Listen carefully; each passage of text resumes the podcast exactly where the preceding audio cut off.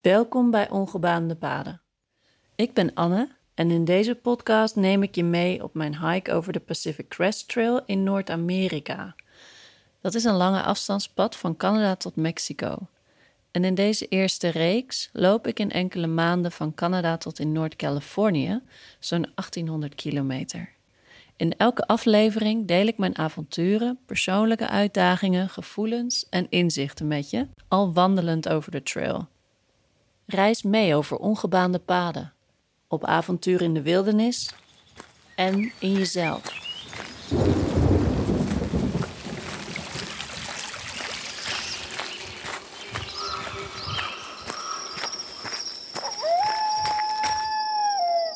Inmiddels meer dan 20 dagen onderweg begin ik steeds een beetje meer gewend te raken aan deze nieuwe manier van leven. In een uitgestrekte wildernis wandelen van zonsopgang tot zonsondergang, weg van zogenaamde civilisatie en continu omringd door natuur. Deze tocht liet me zien dat je in het leven vaak vooral datgene tegenkomt wat je zoekt en dat waar je voor wegloopt. En mijn tocht werd gekleurd door een van mijn belangrijkste intenties die ik van tevoren gezet had, hoewel ik er nu maar al te graag heel vaak onderuit probeerde te komen. Namelijk om te ervaren hoe het zou zijn om voor langere tijd alleen te wandelen in de wilde natuur. Om meer met die natuur te connecten en meer met mezelf te connecten. Wel, u vraagt, wij draaien. Alleen zijn en wildernis waren nog steeds mijn grootste uitdagingen. Maar langzaamaan begon ik beetje bij beetje mijn weg er steeds meer in te vinden.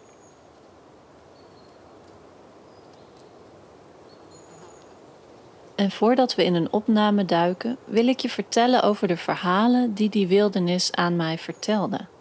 Want omdat ik veel alleen was en mezelf alleen heel af en toe toestond om te luisteren naar muziek of een luisterboek, en mijn eigen gedachten op een gegeven moment ook wel op waren, kwamen de verhalen vooral van het landschap waar ik doorheen liep.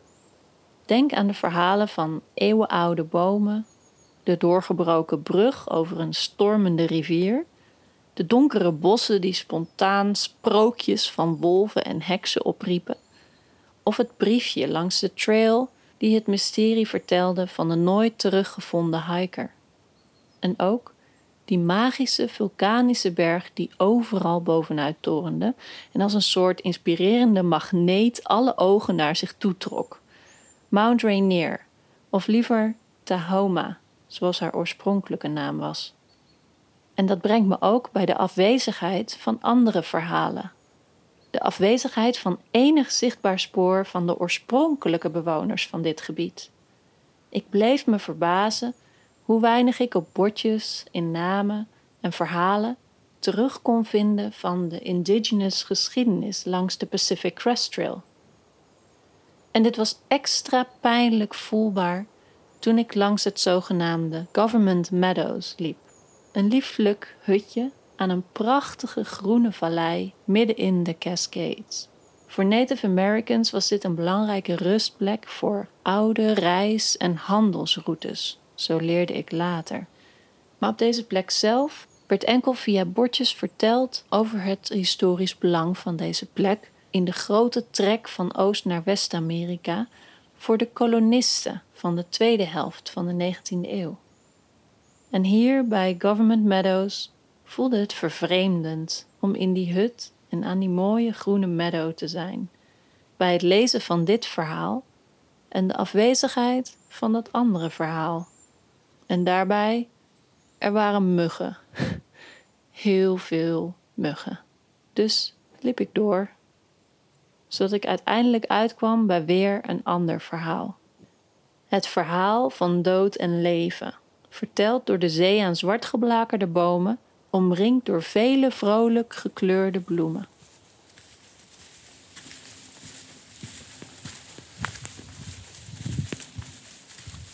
Ik loop door een bos dat vorig jaar is platgebrand. En een jaar later um, ziet het er als volgt uit zie allemaal zwarte, zwart geblakerde stammen om me heen. De meeste, het waren dennenbomen, naaldbomen bedoel ik. En, uh, de meeste zijtakken zijn er afgevallen. Er zijn er ook nog een hele hoop die eraan zitten. Sommige bomen is de, de huid, zou ik het willen zeggen, schors eraf, gedeeltelijk eraf, gebladderd of gevallen. En daaronder zie je oranje-gele kale boom.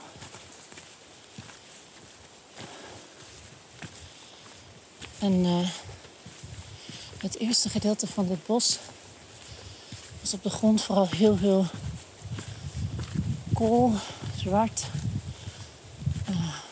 omgevallen zwarte bomen. Het gedeelte waar ik nu doorheen loop heeft een vreemd soort schoonheid. Het is alsof de hele vloer bedekt is met een paars kleed van paarse bloemen. Er zijn vast mensen die weten hoe deze bloemen heten. Ik niet. En het ruikt geurig, fruitig, fris, zoet. Soms staan er rode bloemen doorheen, of witte of gele. Maar het is vooral een zee van paarsblauwe bloemen. En daaromheen de zwart geblakerde punten.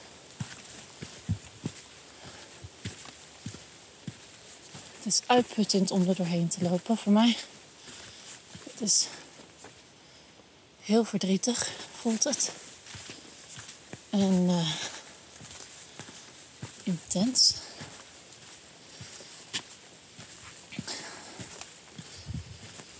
Maar met al die bloemen en nieuw groen op de bodem zie je ook dat er weer ja, nieuw leven ontstaat.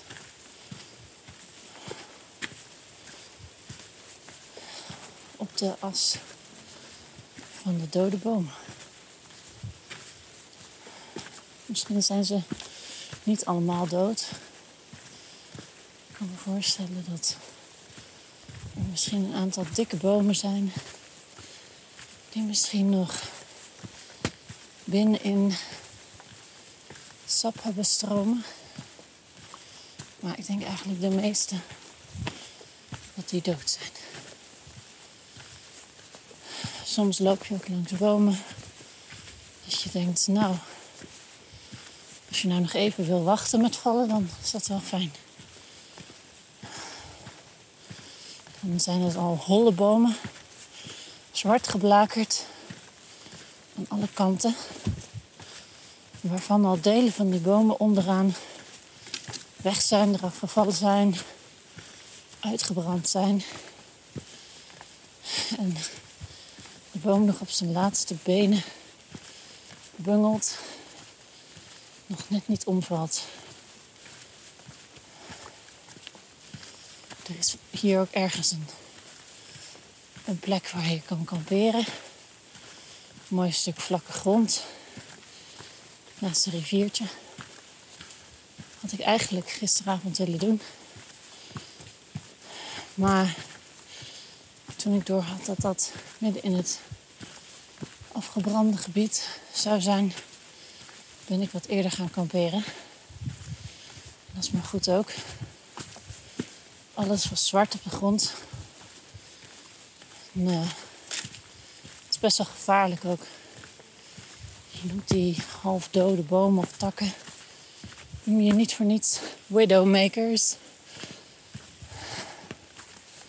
Die kunnen zomaar op je tent vallen en er een einde aan maken. Wauw, maar wat een uitzicht. Het is bizar. Hoe mooi en triest het is tegelijkertijd. heb uitzicht over de horizon met bergen in de verte. Mistige nevel ertussenin. Dus het is alsof die bergen laag over laag over elkaar heen geplakt zijn.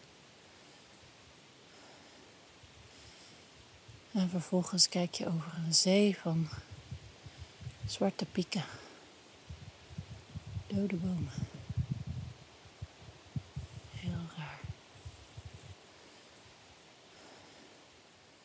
En zoals gezegd, het alleen zijn bleef een uitdaging. Eentje waar ik stukje bij beetje meer bevriend mee raakte. Hele dagen alleen lopen zonder veel mensen tegen te komen, nodigde me uit om mezelf als mijn beste gezelschap te omarmen. En nu ik enkele weken onderweg was, merkte ik dat ik wat nieuwe, eigenaardige gewoontes had ontwikkeld. Hardop praten tegen mezelf. En dan niet alleen als ik mijn recorder aan had, maar gewoon om mijn gedachten van dat moment met mezelf te delen. Zingen, huilen, schreeuwen en scheten wanneer ik wilde en zonder enige gêne. En zo leerde ik mezelf steeds een beetje beter kennen en ging ik me ook veiliger en vrijer bij mezelf voelen. Maar s'nachts was een heel ander verhaal. Dan is het alsof een ander deel van je hersenen het overneemt. En met het naderen van het donker, mijn hartslag en fantasie als het ware opleefden om alle donkere plekken om me heen te kunnen opvullen met de angsten die ik had. Om die reden was ik altijd tegen het einde van de dag heel druk bezig met het inschatten of ik een kampeerplek met andere mensen zou gaan delen, of dat ik wat moest gaan zoeken voor mezelf, naar een plekje waar ik me in mijn eentje ook prettig zou voelen. En als dat laatste mijn verwachting was, dan gingen mijn voelsprieten uit op zoek naar een plekje met zoveel mogelijk open terrein, duidelijk overzicht en liefst een beetje goede vibes. En hoewel andere factoren natuurlijk belangrijk zijn, zoals water en routeplanning, merkte ik dat naarmate het donkerder werd, mijn nachtelijk brein het overnam en altijd de voorkeur gaf aan de ingebeelde veiligheid van zo'n open plek. En als ik dan zo'n plek gevonden had, dan was een van mijn methodes om mijn angst te boven te komen, om luidkeels zingend, als het ware mijn territorium van de nacht af te bakenen. En in omhelzing met mijn wildlife horn viel ik dan uiteindelijk redelijk gerustgesteld in slaap. In de volgende opname kan je een klein beetje meeproeven van mijn haat-liefde verhouding met het alleen kamperen. Ik lig in mijn tent En um, ik ben weer alleen aan het kamperen.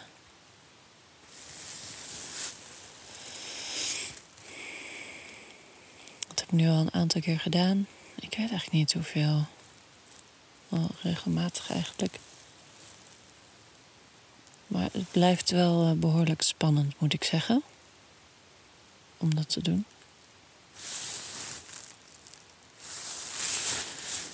Um, sta wel echt op een heel mooi plekje. Bij een, uh, bij een klein meertje. Met daaromheen bomen. En um, het is nog iets van. Ja, dit is eigenlijk waar ik op sta. Lijkt een soort schiereilandje te zijn in dat meer. Heel schattig. En uh, duidelijk dat er al wel eerder gekampeerd is mooie vlakke plekken met een vuurplaats. En uh, daar heb ik uh, vanavond even gebruik van gemaakt. Er zijn heel veel muggen. Um, ze wachten me eigenlijk ook op aan, uh, buiten mijn tent. Tegen dat gaas heen te ja, zwermen.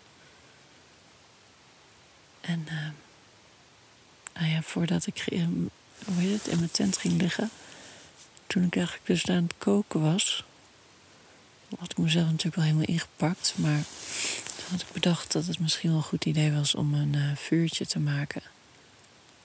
Vooral met uh, veel rook. Daar houden die muggen niet zo van. En um, ja, dus ik heb mijn eerste vuurtje gemaakt. Met dat uh, droog aanmaakhout en uh, wat dikker hout. En mos, mos. Vooral, uh, ja, mos. Het, klinkt natuurlijk heel vochtig, maar dit is van het droge, sliertige mos. Heel goed als soort van aanmaker. Bleek. Dus ik ben wel trots op mijn zelfgemaakte vuur. Mijn eten was ook heel lekker. Goed, nu lig ik dus in mijn tent. En net was ik in mijn tent aan het eten. Um, omdat dat de enige manier is om zonder een muggennet op je hoofd eten naar binnen te werken. Omdat er anders dus heel veel zwermen muggen om je heen zitten. Um, en toen zat ik in mijn tent te eten en op een gegeven moment hoor ik dus ja, voetstappen. In de, ja, iets verder weg. Maar niet menselijke voetstappen, maar uh, andersoortige voetstappen. Mijn vermoeden was dat het een hert was. Um, dat gebeurt wel vaker. Alleen weet ik dat dit nu ook de bronstige periode is van die beesten. Of ja, de paarperiode. En dan de mannetjes herten kunnen best wel agressief zijn. In ieder geval wist ik niet precies wat het was en kon ik het ook niet zien. Dus toen uh, ik heb weer heel hard muziek aangezet. Gorilla's. en toen hoorde ik inderdaad die voetstappen dus uh, snel, soort van versneld wegrennen. Ik denk inderdaad dat het dan een hert was. Ik vermoed dat een beer toch anders zou klinken. Maar ik ben dus eh, wel hyper alert op dit moment. Op geluiden. En zoals je hoort zijn er verder helemaal geen geluiden. Dus kraak die ik dan in mijn tent hoor, of misschien van mijn slaapzak of mijn matje, daar spits ik mijn oren bij. Um, maar ja. Heeft niet zoveel zin natuurlijk. Ik heb gewoon mijn uh, eten in een bearbag um, aan een boom even verderop vastgemaakt. Alle geurende dingen zitten in een uh, afgesloten zak, geurdicht, in mijn voortent. En uh, ja dat is wat ik kan doen. Verder, ja, als ik ergens wakker van word, dan, dan moet ik lawaai maken, denk ik. en uh, slapen, dat is belangrijk.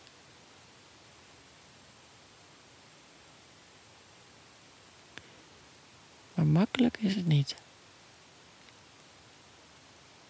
Dat is toch grappig. Ik vind het wel echt oncomfortabel. Gisteren met een groep mensen gekampeerd.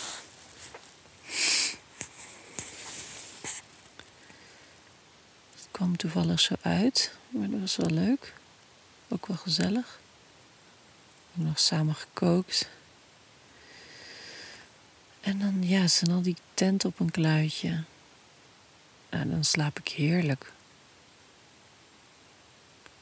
Als ik in mijn eentje ergens ben, dan uh, slaap ik altijd heel licht. En weinig. Of tenminste, ja, ben ik vaker wakker.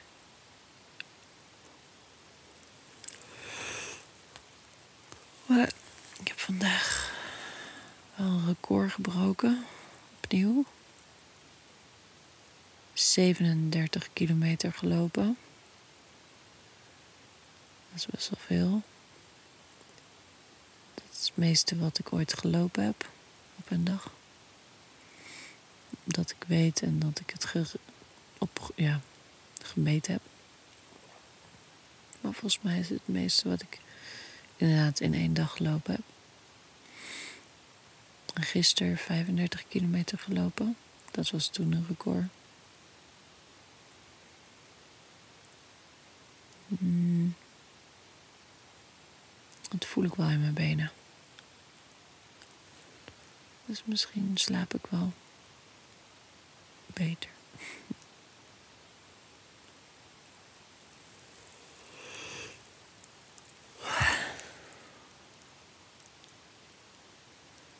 Oké. Nou, slaap lekker.